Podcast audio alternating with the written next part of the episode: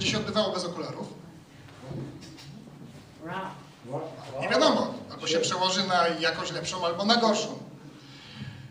E, Moje dzisiejsze kazanie będzie o tym, że są stare i nowe rzeczy, stare i nowe przymierze i pytanie, które będę chciał sobie i Wam zadać, gdzie jesteśmy w tym? E, Kazanie będzie trudne dla mówiącego i pewnie trudne dla słuchaczy, bo z reguły to jest tak, że jeżeli mówiący ma trud, to i słuchacze się trudzą. Jeszcze pewien symbol muszę uczynić. A mój przyjaciel wie, baterię wymieniłem.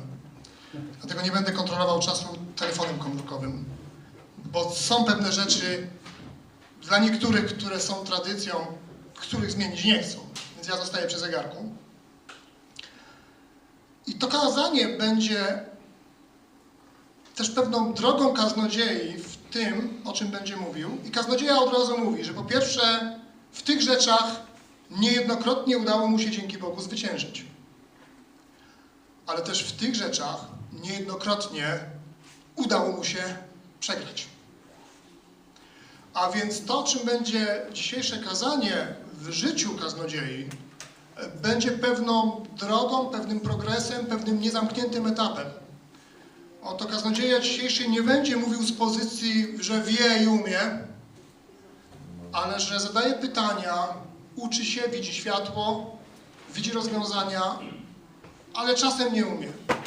Ale czasem jest w jakiejś takiej niemożności wykonania czegoś, nie widzi światła, czasem przegrywa. Od taki po prostu zwyczajny człowiek. I to ważne jest, żebyśmy e, na początku o tym wspomnieli. Będziemy mieć dwa teksty.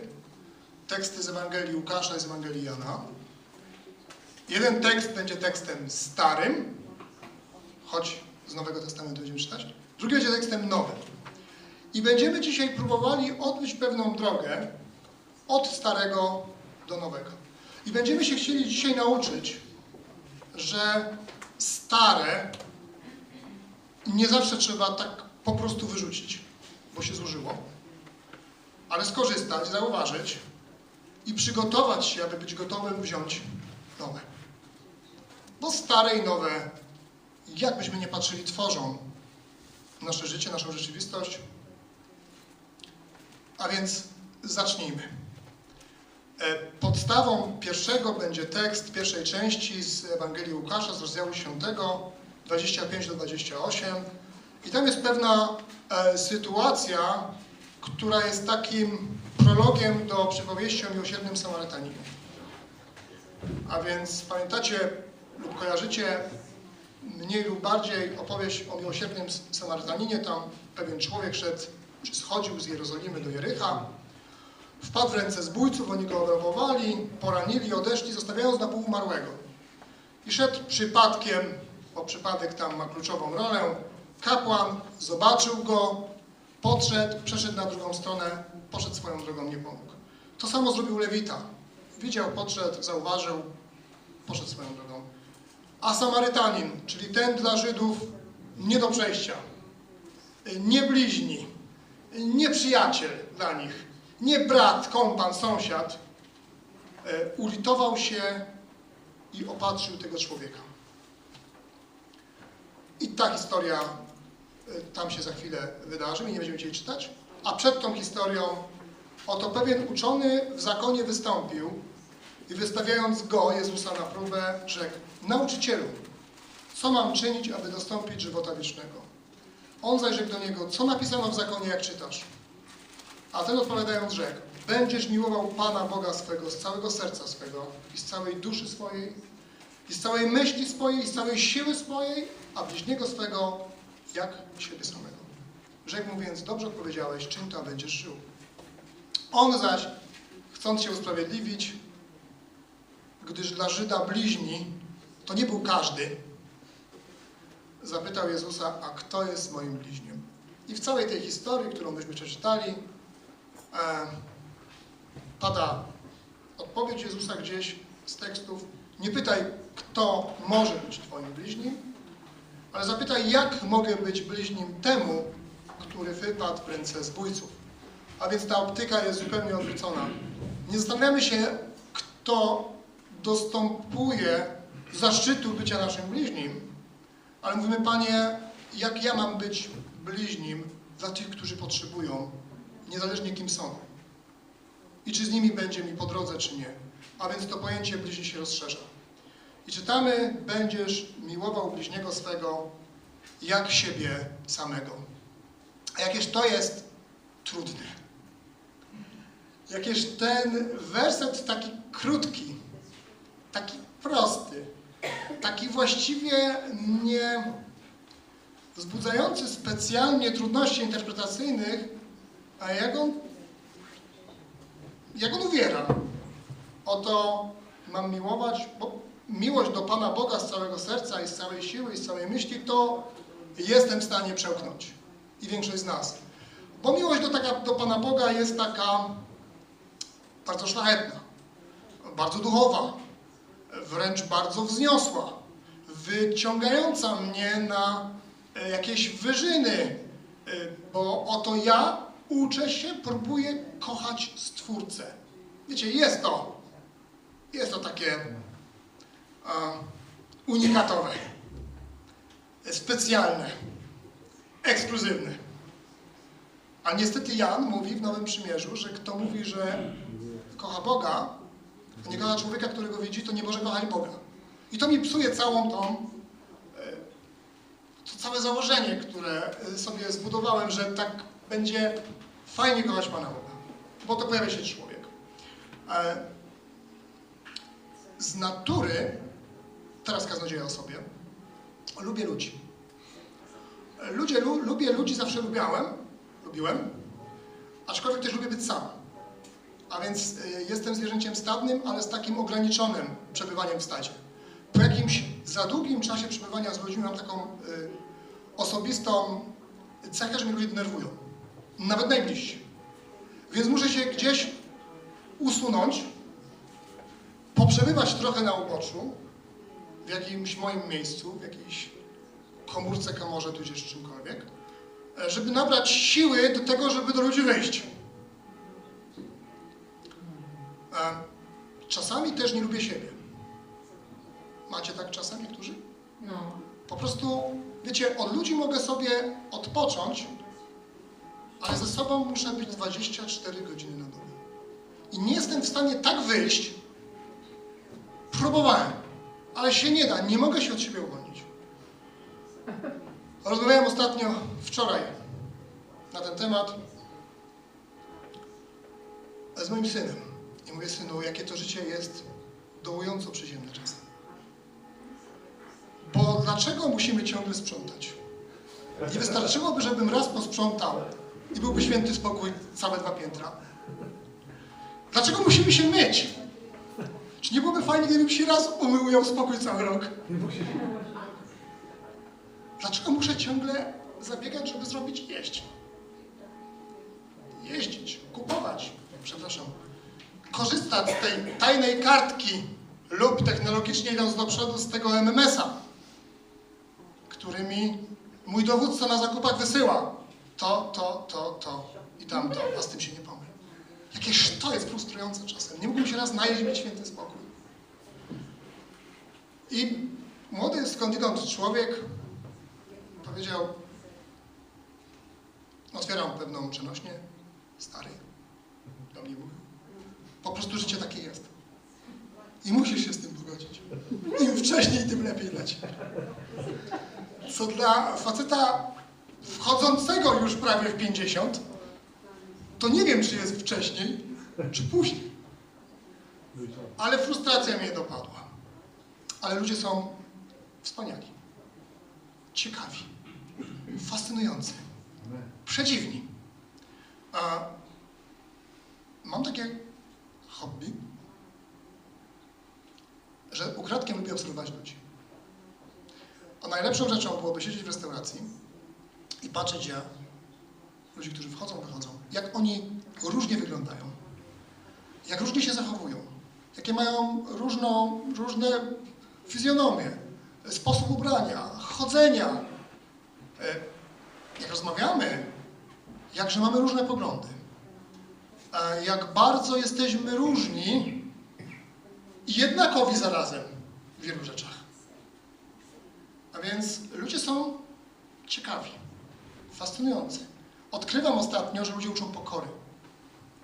Bo to rozmawiasz z kimś i ktoś wie rzeczy, o których ty nie masz pojęcia.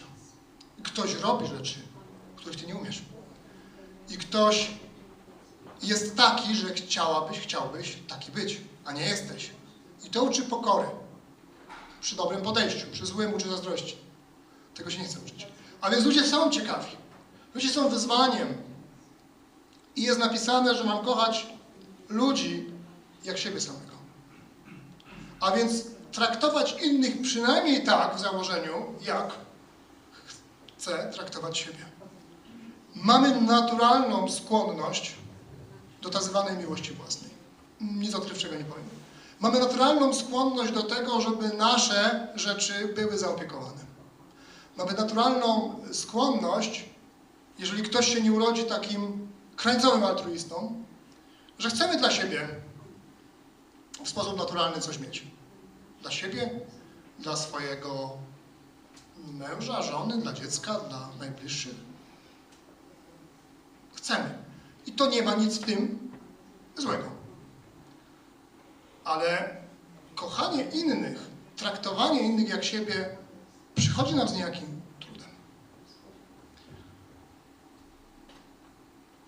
Nie jest niczym nowym, jak zauważymy dzisiaj, że właściwy obraz siebie, swojej osoby pomaga w relacjach z ludźmi. Nie wiem, czy się zgodzicie. Możecie albo tak, albo nie pokiwać. Jak się nie zgadzacie, to po prostu uczciwie powiedzcie, że się nie zgadzacie. Czasami nie pomaga. Ale moje własne, dziękuję, ale moje własne patrzenie na siebie może być przeszkodą lub pomocą w relacjach z innych.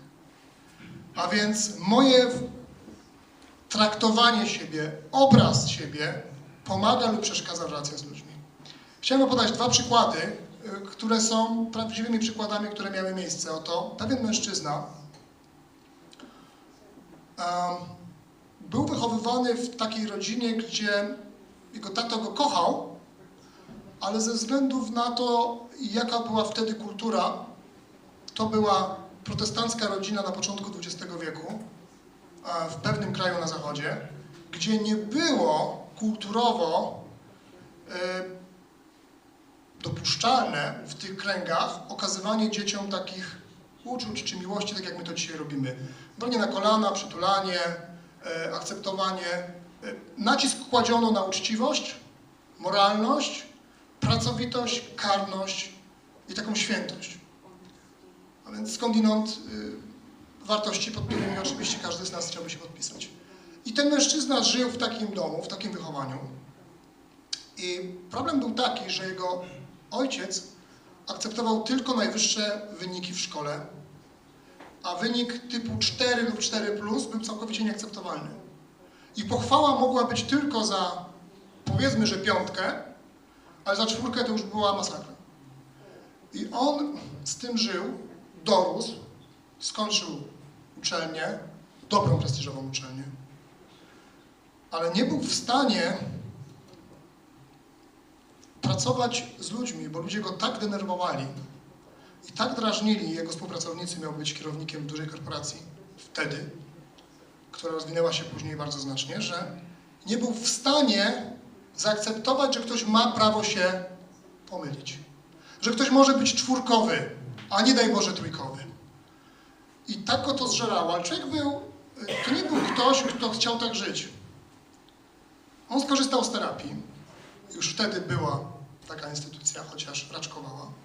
Powiedzieliśmy dzisiaj, że poszedł do psychologa, czy do psychoterapeuty. E, szanuję każde zdanie. Ja osobiście moje jest takie, że czasami psycholog czy terapeuta jest najlepszym rozwiązaniem w życiu chrześcijanina, dlatego że Bóg może użyć psychologa i terapeuty i lekarza. Tak ja wierzę.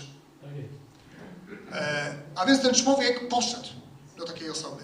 I po przepracowaniu dużego czasu, koło roku, zauważył swój problem, przepracował go i stał się jednym z najbardziej twórczych i mających wpływ na tą firmę e, dyrektorów w jej historii. Zrozumiał, że ludzie mogą być czwórkowi, choć dobrze mieć piątkę.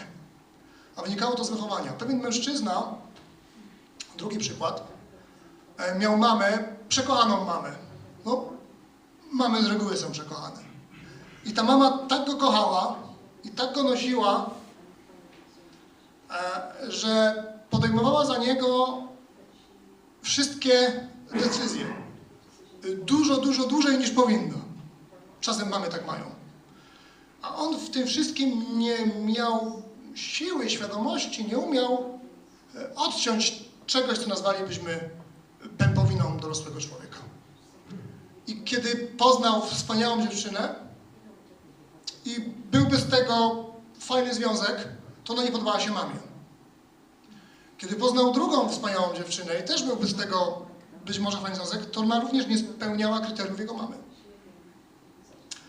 A niewyobrażalne dla niego było swoją mamę zranić. No nie mogę zranić swojej mamy, to... Więc miał ofertę dobrej pracy.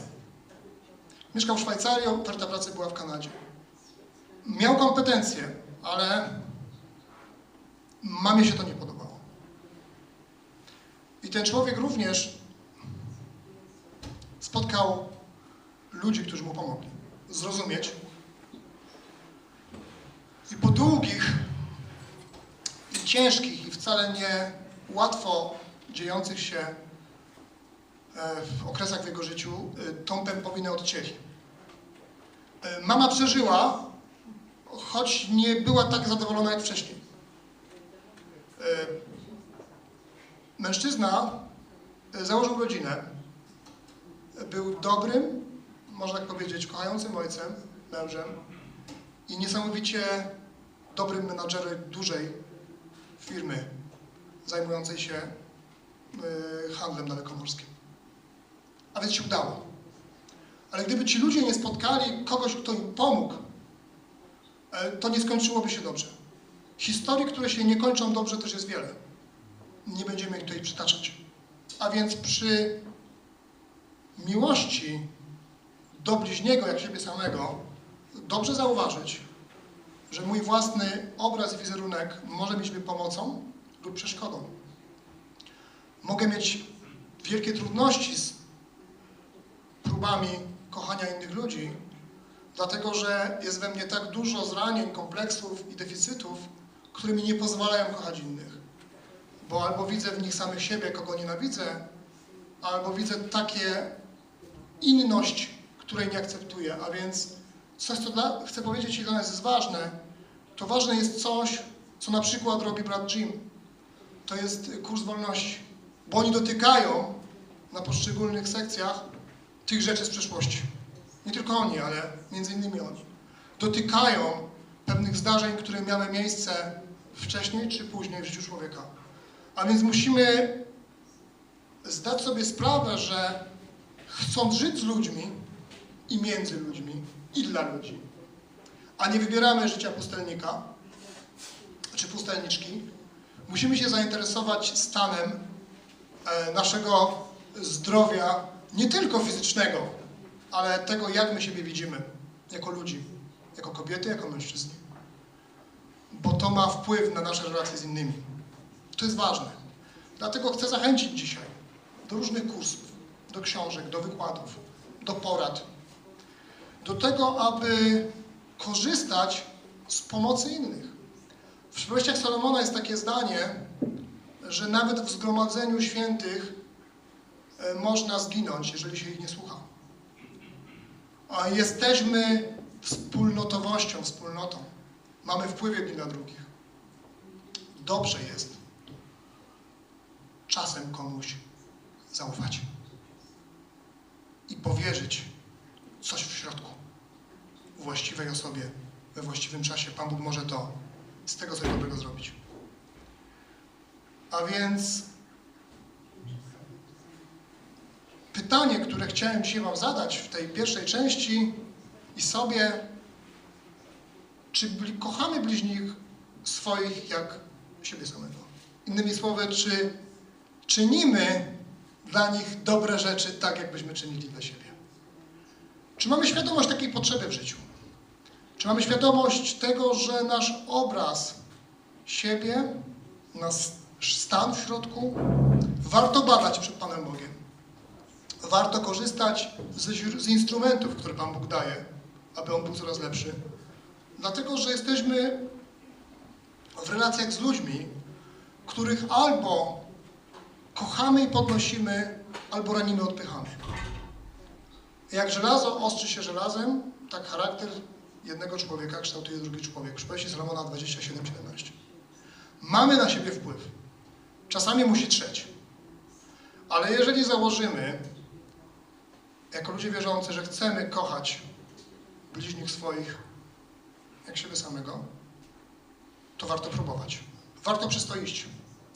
Warto sobie zadawać pytanie, czy się w tym rozwijam, czy myślę o tym, że mój obraz i wizerunek jest ważny w moim życiu? Czy wiem, że to jest pewien etap do czegoś, o czym za chwilę powiemy? Czy chcę iść wyżej? Czy ludzie są dla mnie ważni? Wiecie, nawet jeśli ktoś chce być pustelnikiem, to jest niebezpieczeństwo. E, przerywnik, historia arcyprawdziwa. Oto pewien pustelnik niedaleko Nowego Sącza zakłada pustelnię. Z definicji, z założenia trochę lat temu jest to pustelnia, czyli jest tylko on. Jest wolny. Jest sam. Jestem pustelnikiem, ale załóżmy, że jest szczęśliwy.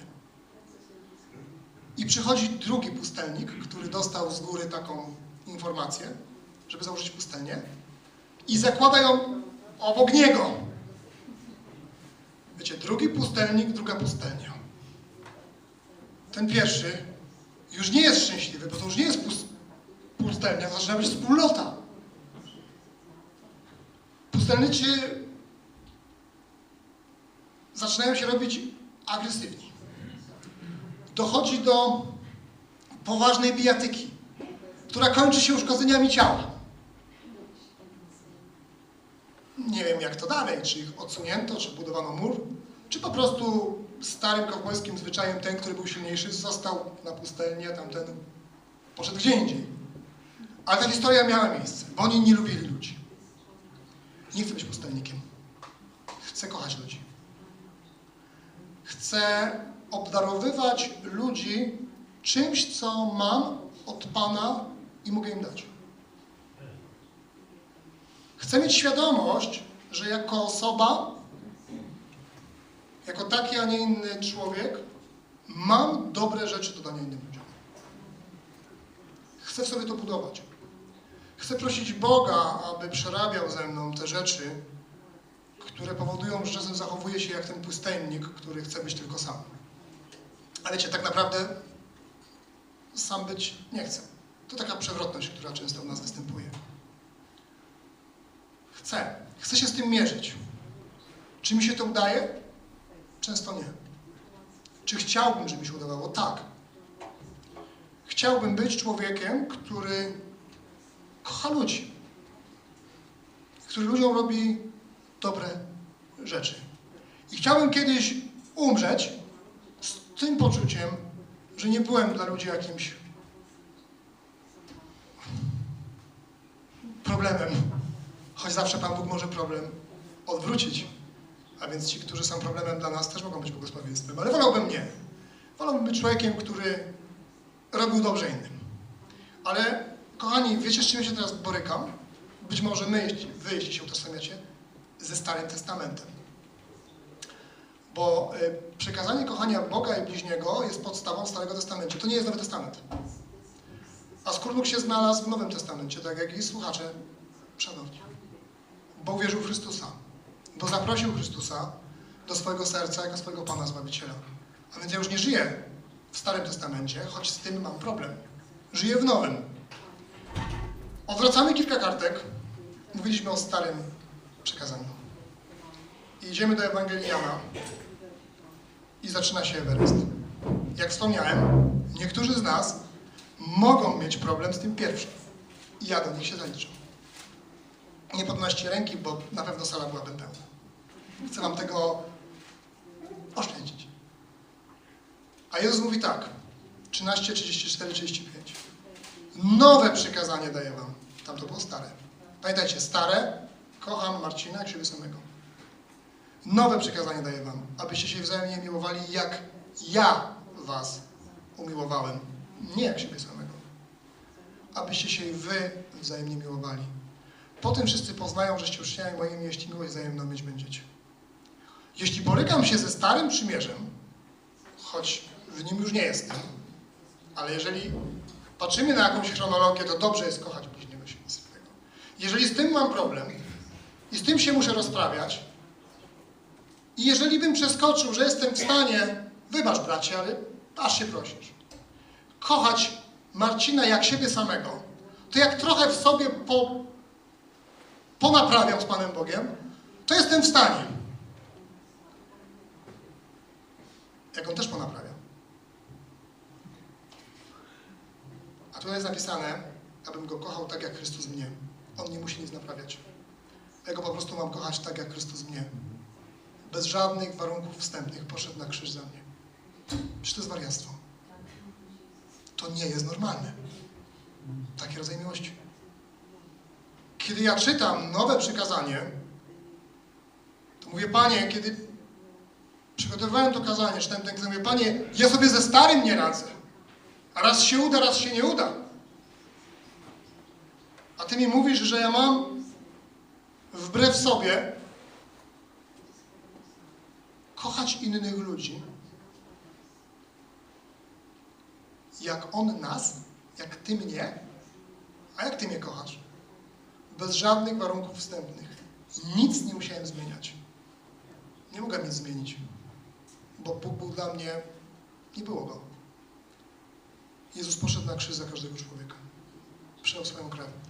Zrezygnował z bycia Bogiem. Pozbawił się czegoś, czego my nie rozumiemy i rozumieć nie będziemy jako ludzie, aby dać się ukrzyżować i umrzeć za nas. Powiedział, że z własnej woli oddaje swoje życie z miłości. Bezwarunkowej, bezwstępnej. A więc nowe przykazanie mówi do mnie, człowieka, który uważa się za chrześcijanina i chce naśladować Chrystusa, że ma kochać innych tak, jak Chrystus ukochał mnie. Nie jak siebie samego.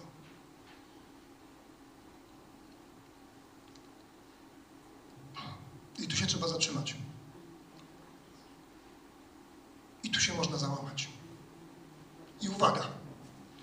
Jeżeli się w tym momencie załamaliście, usłyszawszy któryś raz, bo nie mówimy o nowych rzeczach, nowe przekazanie, to chwała Bogu.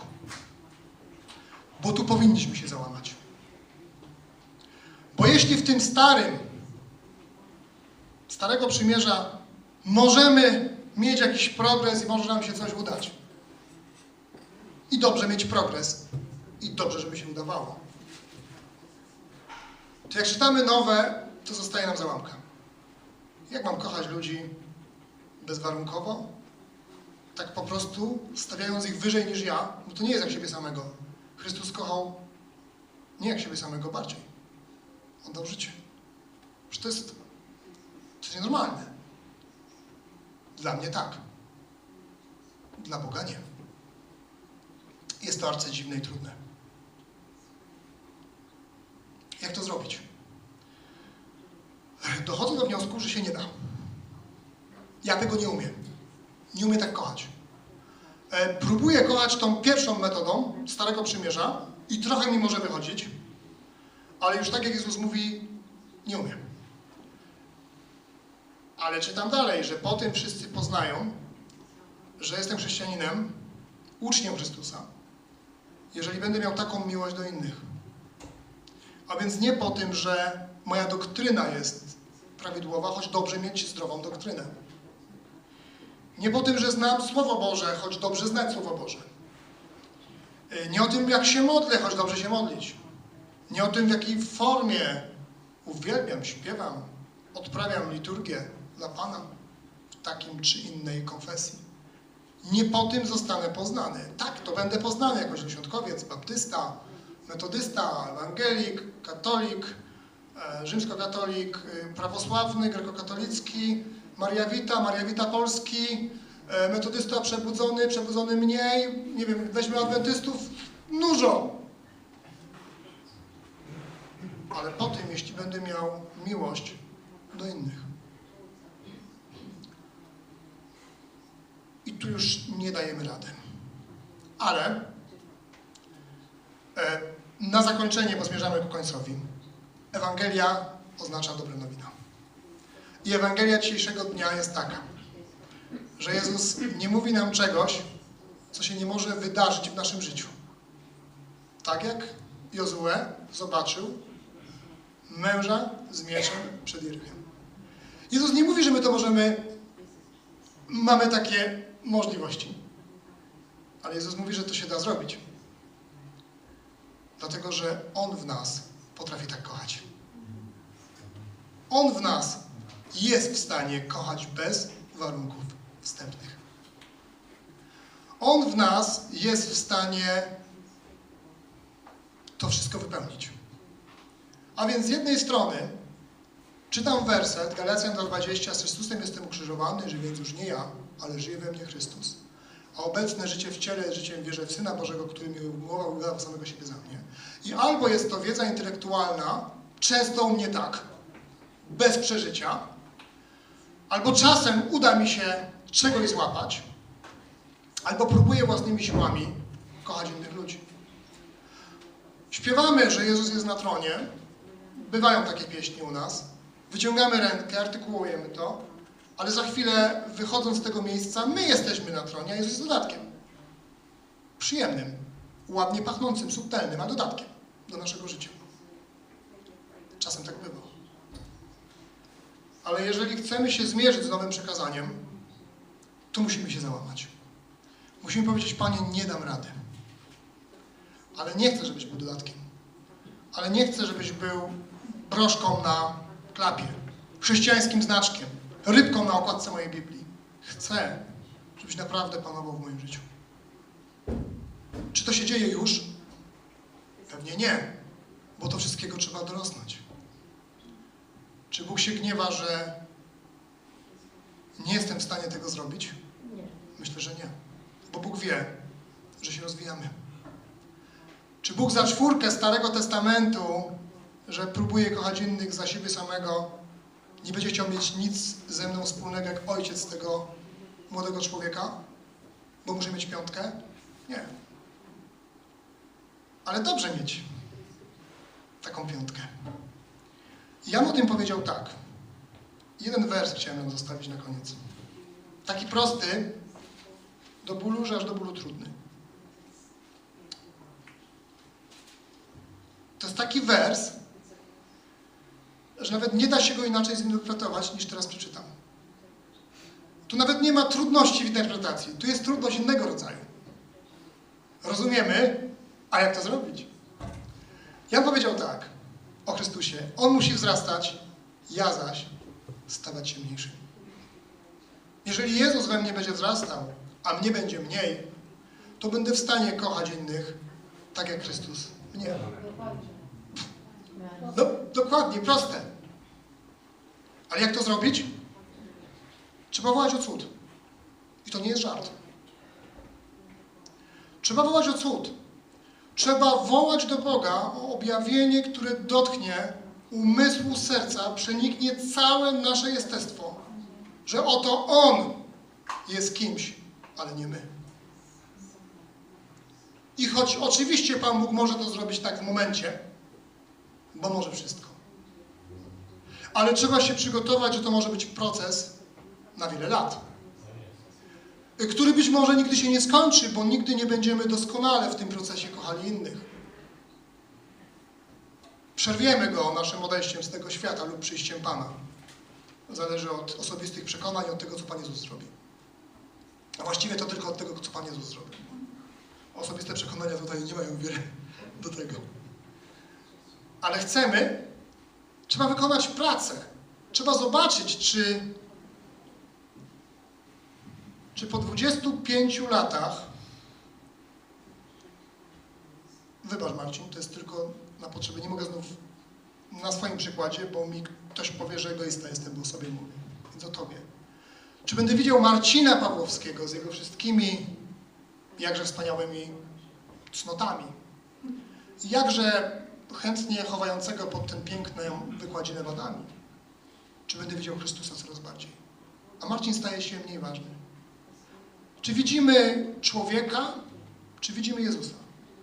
Czy chcemy budować nasze kościelne nazwiska, królestwa? Czy chcemy, żeby Chrystus był wśród nas najbardziej widoczny? I oczywiście daleki jestem od tego, żebyśmy zakłaniali twarz, udawali, że nas nie ma, bo to wiecie, to prowadzi do nadużyć jeszcze większych. Ale chcę powiedzieć o tym, że musimy się nauczyć tego Bożego wyważenia i tego dystansu, że oto my, a tak naprawdę to chodzi o to, żeby nas było najmniej. Po co to za sztuka, że on piękne y, uwielbienie poprowadzi? Pewnie, że sztuka, ale czy o to chodzi? Czy to jest rokowy muzyk, który chce autografów? Czy kaznodzieja w tym kościele e, po względnie udanym kazaniu, bo to i tak jest tak, że się powie się nie podoba, drugiej powie się podoba i nigdy nie dojdziemy, tylko się proporcje będą zmieniać, będzie budował swoje nazwisko, wizerunek, jaki on jest mądry, przemądry i za mądry i w ogóle? OE, czy zobaczymy w kazaniu Chrystusa? A ten facet, czy ta kobietka, która też tu się może zdarzyć, nie będzie miała, miała większego znaczenia. I zapomnimy, ale Chrystusa zobaczymy. To jest wyzwanie um, dzisiejszego Kościoła, dzisiejszych nas w tych czasach, kiedy tak bardzo się liczy nazwisko, e, ja z moim. To jest wyzwanie, czy chcemy być mali, aby było widzieć Chrystusa. Musimy się o to pomodlić. Może nie jednorazowo. Może musimy sobie o tym ciągle przypominać. Ale teraz na kazaniu, po kazaniu, chciałem Was prosić, abyśmy się przez chwilę, tak jak siedzimy w ciszy, ja też wyłączę mikrofon i pójdę robić to, co Wy. I zachęcam do tego tych, którzy widzą nas online, abyśmy się pomodlili o taki cud, aby się w naszym życiu zechciał wydarzyć. Że oto nas będzie mniej, a jego więcej, a później Marcin już zakończy nabożeństwo.